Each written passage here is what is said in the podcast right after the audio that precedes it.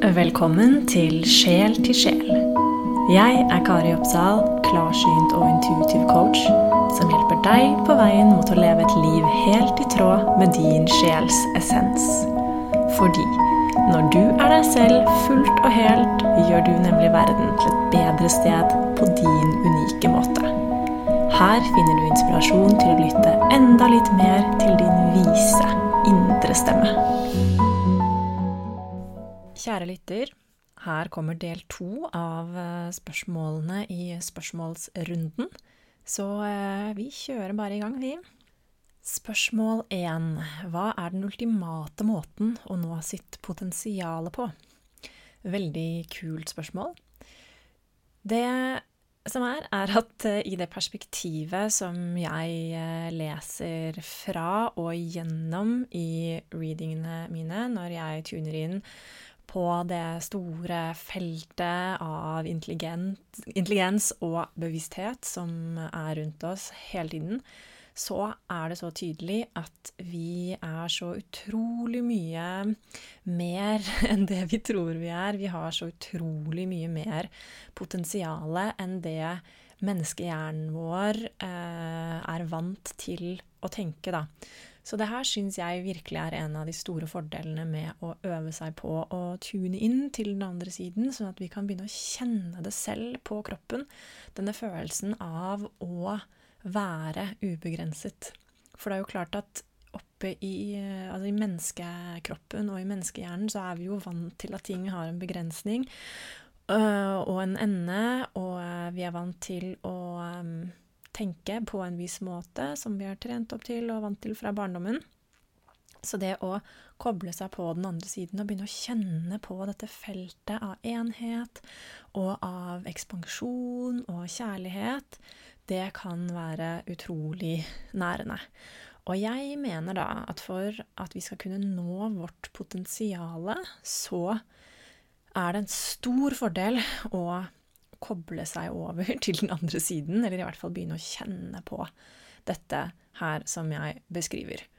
Fordi når vi tar inn i, uh, i betraktning og begynner å øve oss på å tenke at vi faktisk har et ubegrenset potensial, det er da vi virkelig tør å drømme, det er da vi virkelig tør å ta sjanser, og eh, det er jo da vi ligger best an til å nå vårt potensial, da. Og vårt potensial for hva? Det kan jo være lett å tenke at eh, potensialet handler om prestasjon. Eh, det er jo sånn vi er trent opp til å tenke i eh, vårt kapitalistiske samfunn. Produksjon og prestasjon. Potensialet, sånn jeg ser på det, handler om at vi lever i tråd med oss selv. At vi vet innerst inne vår totale verdi. At vi ikke setter oss selv over noen andre eller under hverandre. At vi møter opp for oss selv og for andre fra et sted av kjærlighet og eh, verdi og integritet og ja, romslighet, da.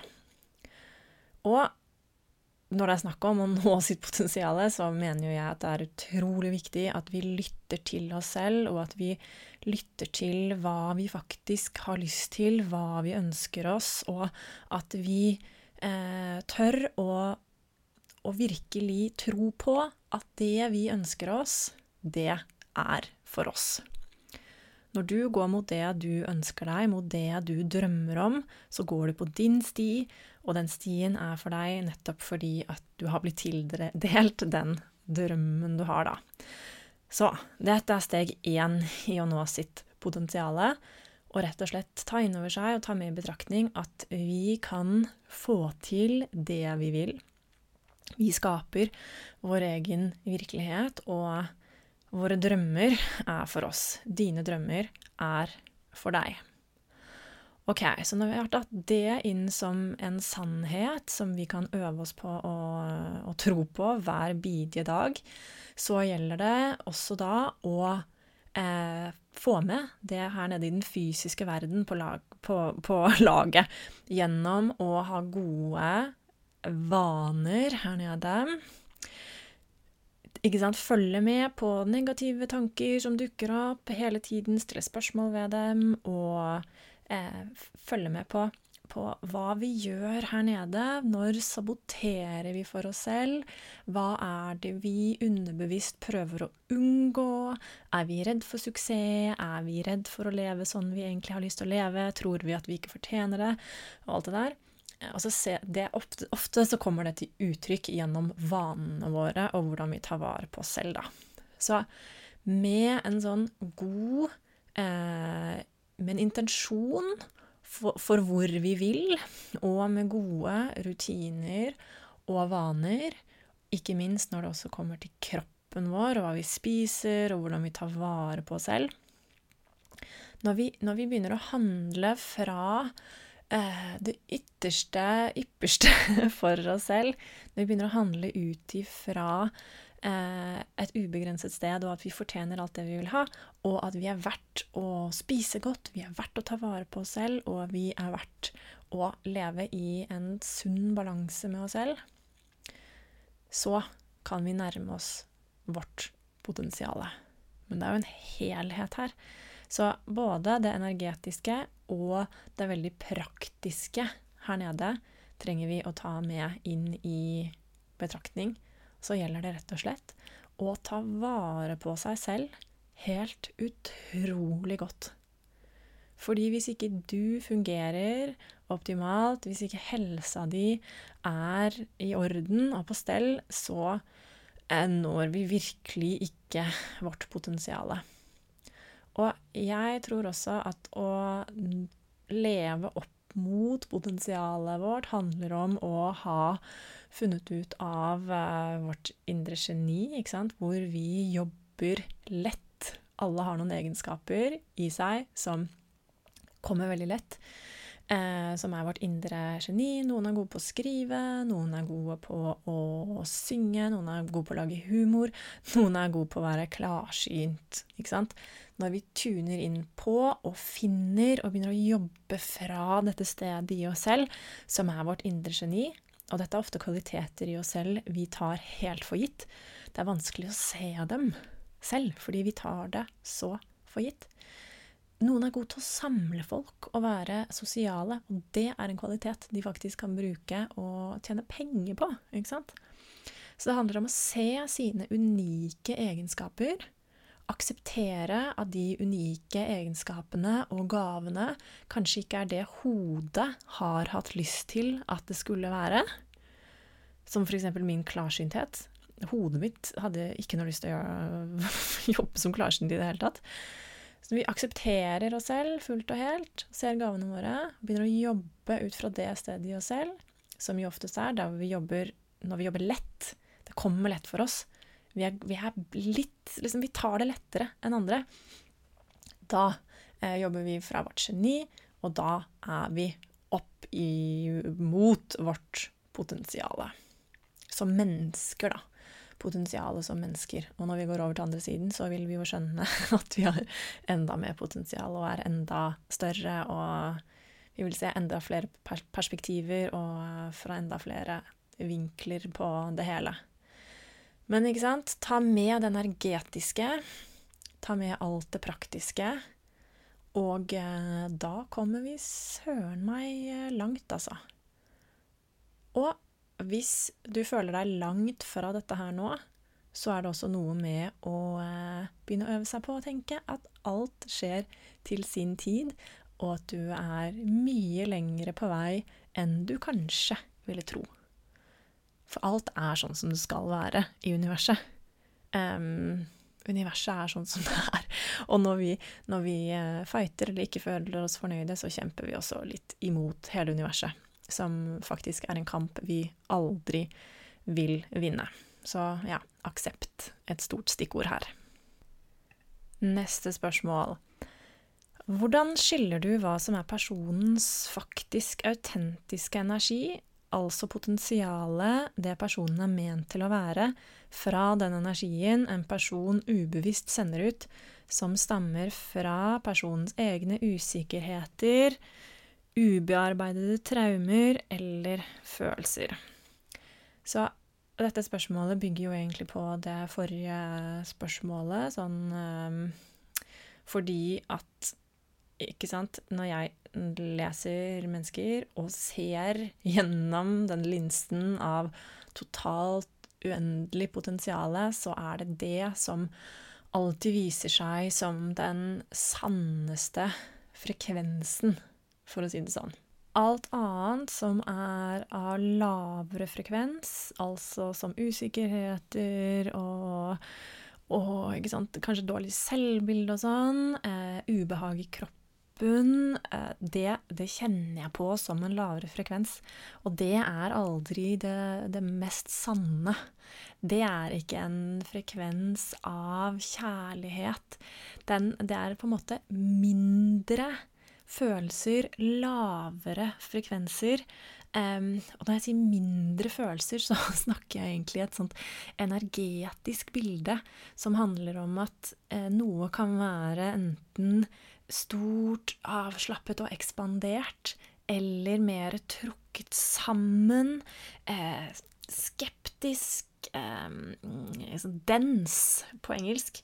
Eh, ja, så, så disse lav, mer lavfrekvente følelsene som frykt, usikkerhet og sånn, det, det, det er rett og slett egentlig bare Ja, det er aldri, aldri en indikator på en, en sånn ultimat sannhet. Og så ser jeg jo om det kjennes ut som sant for personen, men bare ved å kunne kjenne på denne her energien og lese den energien, eh, så vet jeg at det ikke er det sanneste sanne. Så, så um, Mm, og da gjelder det da å prøve å formidle dette her til personen, og stille noen spørsmål, og sant, sette en Altså peke på det, sånn at personen selv også innser kanskje hva de går og tenker på, fordi vi blir jo så vant til alt det vi går og tenker på. Vi blir så, blir så vant til at verden er på en måte, og at vi er på en måte. Eh, så ja, da er det fint å minne personen på at de er så mye mer, at de får lov til å være i kjærlighet, åpne hjertet og um, slappe av. Slappe av i sin verdi. Neste spørsmål. Hvordan vet man at partneren man er sammen med, er den rette for seg? Den rette Hva er den rette, da? Er den rette den som er rett for deg akkurat nå? Eller er den rette den, eh, det bildet du har om at uh, vi skal være sammen med én person hele livet, en drømmepartner som kommer inn i livet og eh, gjør alt bedre? Det er spørsmålet. Jeg tror at veldig mange av oss eh, holder for lenge fast i forholdene vi er i, fordi vi er redd for endring. Og når vi holder for lenge fast, så holder vi også oss selv igjen. Hjernen vår liker jo ikke å eh, tenke på det vi ikke har kontroll over, så fremtiden vår har vi jo aldri kontroll over. Så hjernen, som prøver å holde oss trygg, forsøker jo å, å rett og slett holde fast i det vi kjenner til, eh, fordi den frykter det ukjente. Men gang på gang på gang på gang ser jeg at når man gjør det slutt, eller går ut av et forhold, så er det som at en haug med energi blir frigjort, og man kan virkelig bare lipe fremover. Hvis man går og ikke har det bra i et forhold, så, så vil man ofte gjøre seg selv litt mindre enn det man er. Men det er jo klart at det er jo ikke lett å vite om man skal gå eller om man ikke skal gå når man er midt oppi det, da. Og skal man holde ut, liksom, i gåseøynene? Skal man vente? Kanskje det blir bedre? Og det er jo helt ok å ta tiden til hjelp. Men hvis denne ulmende magefølelsen om at noe ikke er helt riktig, den ulmende magefølelsen om at eh, det kanskje er noe mer. Kanskje sjelen har lyst på noe mer. En annen type opplevelse. Så hvis den magefølelsen virkelig ikke forsvinner over en periode, så, så er det lurt å være veldig ærlig med seg selv. Fordi det er jo klart at hvis man har det helt fint, hvis man har det helt fint, så vil jo ikke disse tankene her nødvendigvis dukke opp. Ikke sant? Da er man fornøyd, da. Og er man fornøyd, så er man fornøyd, og, og ja. Men det er jo klart at det er vanskelig å gi et sånt her generelt svar uten å Eller det er vanskelig å gi et presist svar uten å vite bakgrunnen for spørsmålet ditt, så derfor så blir dette her et generelt svar, da. Og eh, jeg har også vært en del av, av den uh, gjengen som har den drømmen om at man skal finne seg the one, men uh, det har jeg sluppet mer og mer og mer, og det føles egentlig veldig befriende. For jeg tror nok at det er mange av oss som At det nesten er meningen at vi skal ha flere partnere, at vi skal få forskjellige erfaringer og opplevelser, og, og så er det samfunnet vårt som sier at det ene liksom er mer verdt enn det andre. Jeg blir også mindre og mindre opptatt av begreper som soulmates og twin flames. Særlig twin flames. Altså Begreper, spirituelle begreper som det, kan bli unnskyldninger for at man ikke har det noe bra. Sånn, ja, men jeg føler virkelig at han er min twin flame. Men så går man egentlig og har det helt forferdelig vondt i relasjonen. Så, så ja. Jeg syns vi skal være på vakt for alt som eh, ikke egentlig føles godt for oss. Og um, og så også selvfølgelig se på våre egne handlinger og våre egne mønstre er kjempeviktig. Ikke skylde på noen andre, men rett og slett ta ansvar for oss selv og for vårt eget liv og våre handlinger og våre mønstre. Og så eh, prøve å bli bedre mennesker, prøve å eh, stille opp og være bedre versjoner av oss selv i relasjonene våre. Og når det kommer til parforhold, ikke sant, det er jo bare det er to ting, eller tre ting man kan gjøre. Enten ikke, ikke uttrykke seg og hva man føler. Hvis eh, det er noe som ikke føles bra, så kan man jo gå og holde det inne til det akkumulerer, og til det bare er én utvei, og det er rett og slett å komme seg ut av forholdet. Eller så kan vi eh, kommunisere, snakke, prøve å løse det sammen. Og eh, ikke sant Enten så finner man ut av det, eller så eh, ja, bryter man opp. Så det viktigste for meg er at du velger deg selv alltid, og at eh, ja, du ikke tar til takke med noe. Fordi at uh, i hele denne her teorien og ideen om at man skaper sin egen virkelighet, så gjelder jo det også for parforhold og relasjonene vi er i. Neste spørsmål. Hvordan kommunisere at man er såret til noen som kun lytter, hvis man fremlegger eh, noe på en logisk måte?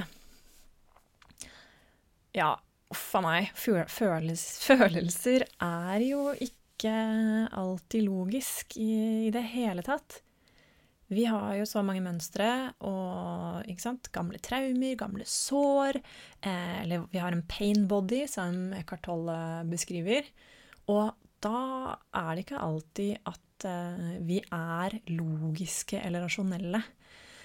Og hvis ikke personen eh, du forholder deg til her, eh, rommer det at alt ikke trenger å være logisk, men at det likevel er sant for deg, så eh, høres dette ut som en dynamikk som kanskje ikke eh, er så dynamisk. Den høres litt låst ut.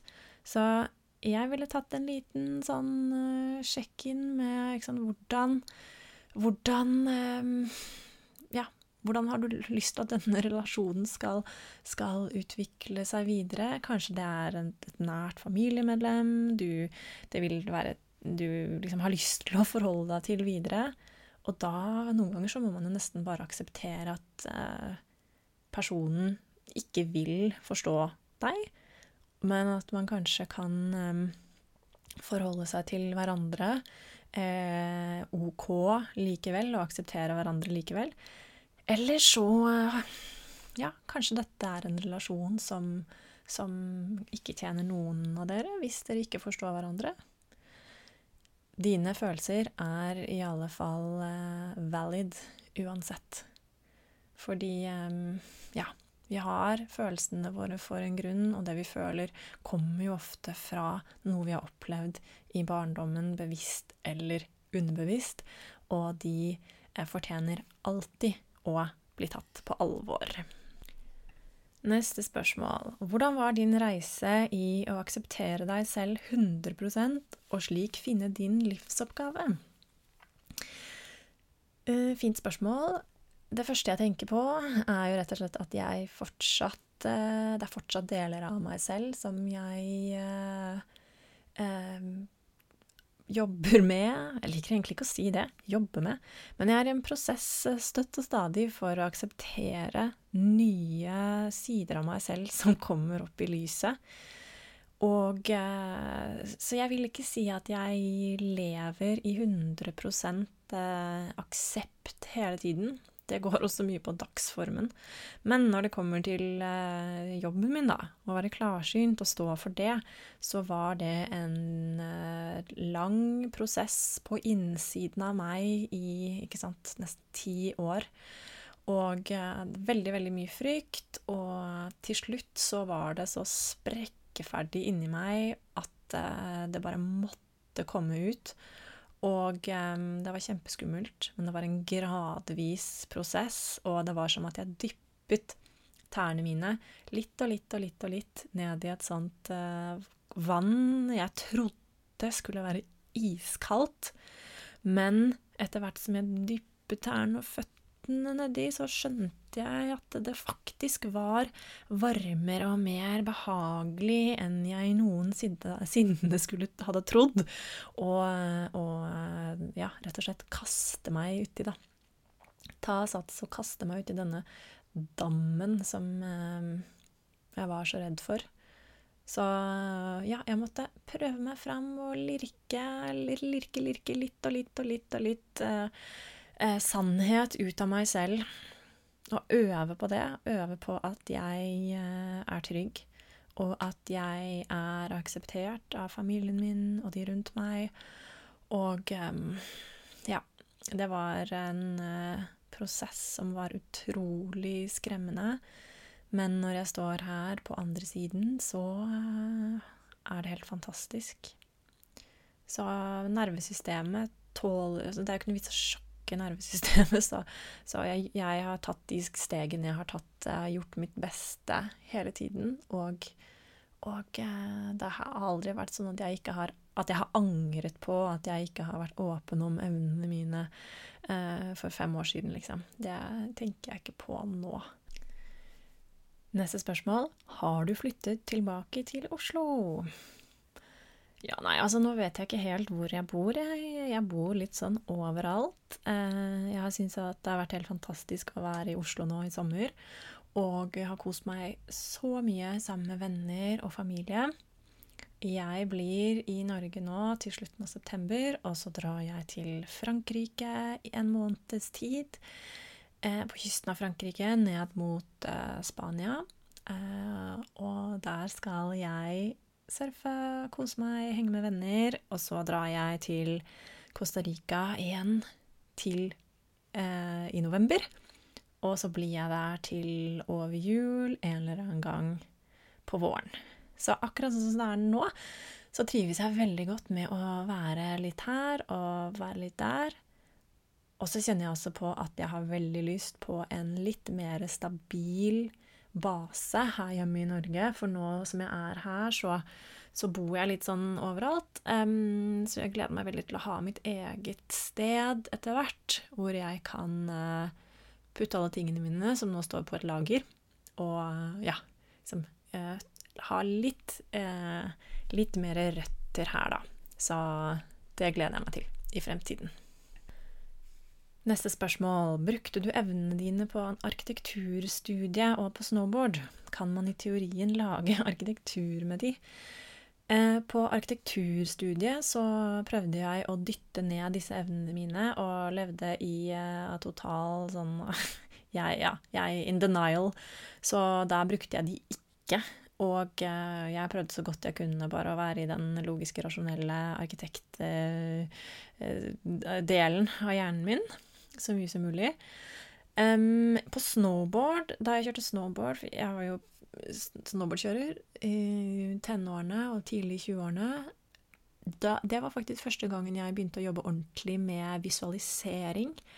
Og um, Så jeg vil ikke si at jeg brukte evnene mine da. Da hadde jeg null kontroll på evnene mine og var egentlig bare utrolig usikker og tok inn veldig mye fra andre. Reiste rundt i hele verden og var sammen med landslag og rekruttlandslag, og det var utrolig krevende å være sammen med folk så utrolig mye. Så mye.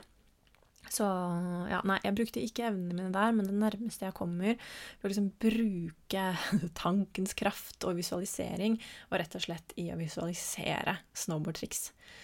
Og eh, øve på å uh, dra inn gode følelser og, og uh, god stemning eh, for å trene opp hjernen min til eh, en alternativ virkelighet. Da. Der hvor jeg satte triksene, der hvor jeg følte meg bra i konkurranser, og eh, ja, skikkelig mindset-trening. Og til siste delen av spørsmålet kan man i teorien lage arkitektur med disse evnene.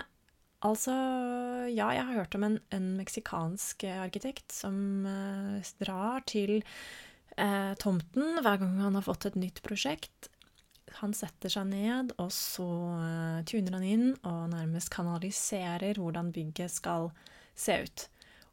Og um, det som er interessant med det her, er at det blir jo nydelig arkitektur, men eh, arkitekturen må jo også funke og være bra her nede på jorda, da. Så metoden, hvordan man kommer fram til arkitekturen, er jo egentlig mindre interessant sånn i uh, det virkelige liv. Det er interessant når man studerer arkitektur, for å ha en god metode. Men uh, her nede, eller altså in real life, så er metoden mye mer uinteressant, og det, det som spiller en rolle, er om man har en arkitektur som, uh, med gode rom og gode løsninger, da. Siste spørsmål. Hva er forskjellen på fjernhealing og face to face? Så jeg driver uh, veldig lite med healing, um, men jeg har gjort litt uh, chakrahealinger på klientene mine. Og liksom, mange opplever at når uh, vi er i samme rom, at det oppleves så mye sterkere da. Og det tror jeg det er noe i når det kommer til healing og det å bevege energi rundt. Jeg vil f.eks. tro at reiki, for eksempel, der hvor man beveger energien og åpner blokader og sånn, er mer effektivt når man faktisk fysisk er der og kan hjelpe å flytte og føre energien. Eh, men fjernhealing funker jo også uh, veldig bra for mange, og jeg vil også tro at siden alle som har evner, som er veldig mange, men de som bruker evnene sine, da. Vi er gode på forskjellige ting. Og noen er sikkert bedre på å fjernhile enn på å være der og fysisk hile. Mens noen er mye bedre og flinkere til å fysisk heale istedenfor å fjernhile. Når jeg gjør readinger, eh, det vil jeg egentlig si er noe litt annet, fordi at eh, da, er ingen, da er det egentlig ikke noe energi jeg flytter på. Eh, jeg bare går inn i feltet, og det feltet er overalt hele tiden. Så det betyr at jeg kan gjøre en reading fra hvor som helst på jordkloden eh, på en person eh, som sitter i Norge, eller anywhere. Så, så, når jeg går inn og leser informasjon fra feltet, så vil jeg nok tro at det har mindre å si om man er face to face eller online, da. Så um. Og for meg, når jeg gjør readinger eh, in person, som er ekstremt sjeldent jeg gjør, så tar det mye mer energi for meg, fordi at da sitter jeg Det tar mer energi, for jeg sitter i feltet til personen. Og um, når jeg gjør det online, så sitter jeg i mitt eget space, og jeg er ikke så på en måte Ja, jeg bader ikke i energien til personen jeg gir en reading. Supert. Det var alle spørsmålene for denne gang. Og jeg vil bare minne deg på at hvis du har lyst til å utvikle evnene dine videre, så begynner Sjel til sjel nivå 1, der du kan bli din egen klarsynte guru. Vi begynner 7. september, og vi holder på i seks uker. Og du lærer alt du trenger for å kommunisere med den andre siden. Vi skal gjennom teori og masse praktisk øvelse så um, det eneste du trenger å gjøre, er egentlig å møte opp på timene hver uke, og så lover jeg deg at du vil um, ja, ha mange fantastiske opplevelser.